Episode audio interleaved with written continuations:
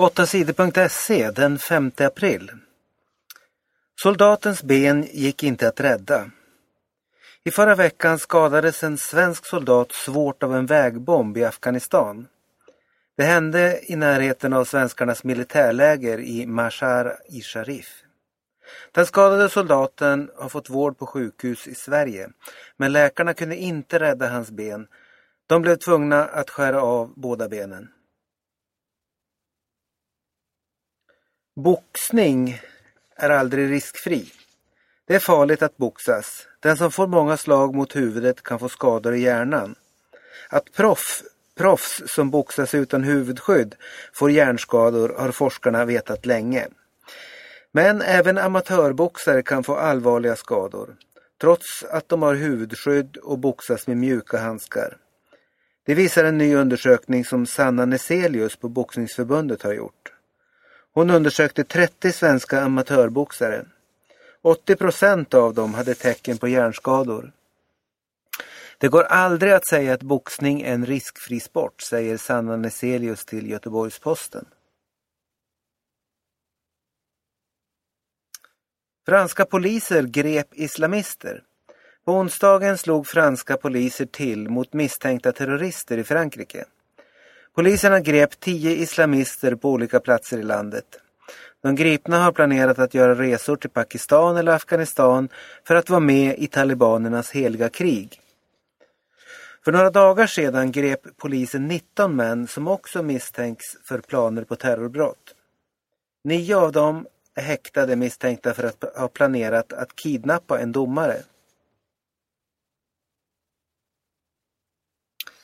Dinosaurier med fjädrar. Forskare i Kina har gjort en överraskande upptäckt. De har hittat rester av en okänd dinosaurie. Den är lik den väldiga Tyrannosaurus rex, men den kinesiska skräcködlan hade mjuka fjädrar. Fast den hade inte några stora fjädrar, det var mer som dun som kycklingar har idag, säger den kinesiske forskaren Xu Xing till tidningen Nature. Upptäckten är otroligt spännande, säger Jan-Ove Ebbestad på Uppsala universitet. Kanske det betyder att släktingen Tyrannosaurus rex också hade fjädrar. Det är lite svårt att tänka sig att den varit som en dunig kyckling fast 15 meter lång, säger Jan-Ove Ebbestad till Sveriges Radio. Känd sångare blev minister i Senegal. Den kände sångaren Youssou N'Dour har fått jobbet som kultur och turistminister i landet Senegal i Afrika. Det är landets nye president Macky Sall som utsett N'Dour. Youssou N'Dour är storstjärna och vann 2004 en Grammy för sin skiva Egypt. N'Dour är inte bara sångare och musiker, han äger också flera tidningar, tv-stationer och radiostationer i Senegal. Törnblad slutar hoppa. Höjdhopparen Linus Törnblad slutar. 27-åringen har bestämt sig för att sluta med idrotten. Linus Törnblad var i många år en av världens bästa höjdhoppare. Han tog medalj i stora mästerskap. Det blev ett brons och ett silver i EM inomhus. De senaste åren har Linus Törnblad haft det tungt. Han har varit sjuk och skadad. 2010 blev han sjukskriven för stress. Det var fruktansvärt. Jag trodde aldrig att det kunde bli så jobbigt, säger Linus Törnblad till friidrott.se. Svensk brottare dopad. Brottaren Mattias Günther har åkt fast för dopning. Han kommer inte att få tävla på två år. Bronsmedaljen från EM blir han av med. Mattias Günther säger att det inte var meningen att dopa sig. Han tog ett läkemedel mot en svullen fot. Det var en vecka före EM. Läkemedlet fick han av en kompis.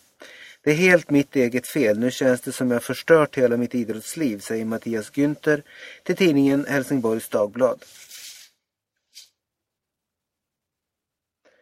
Pensionär tog sitt liv i protest. En äldre grekisk man tog på onsdagen livet av sig utanför Greklands riksdag i huvudstaden Aten.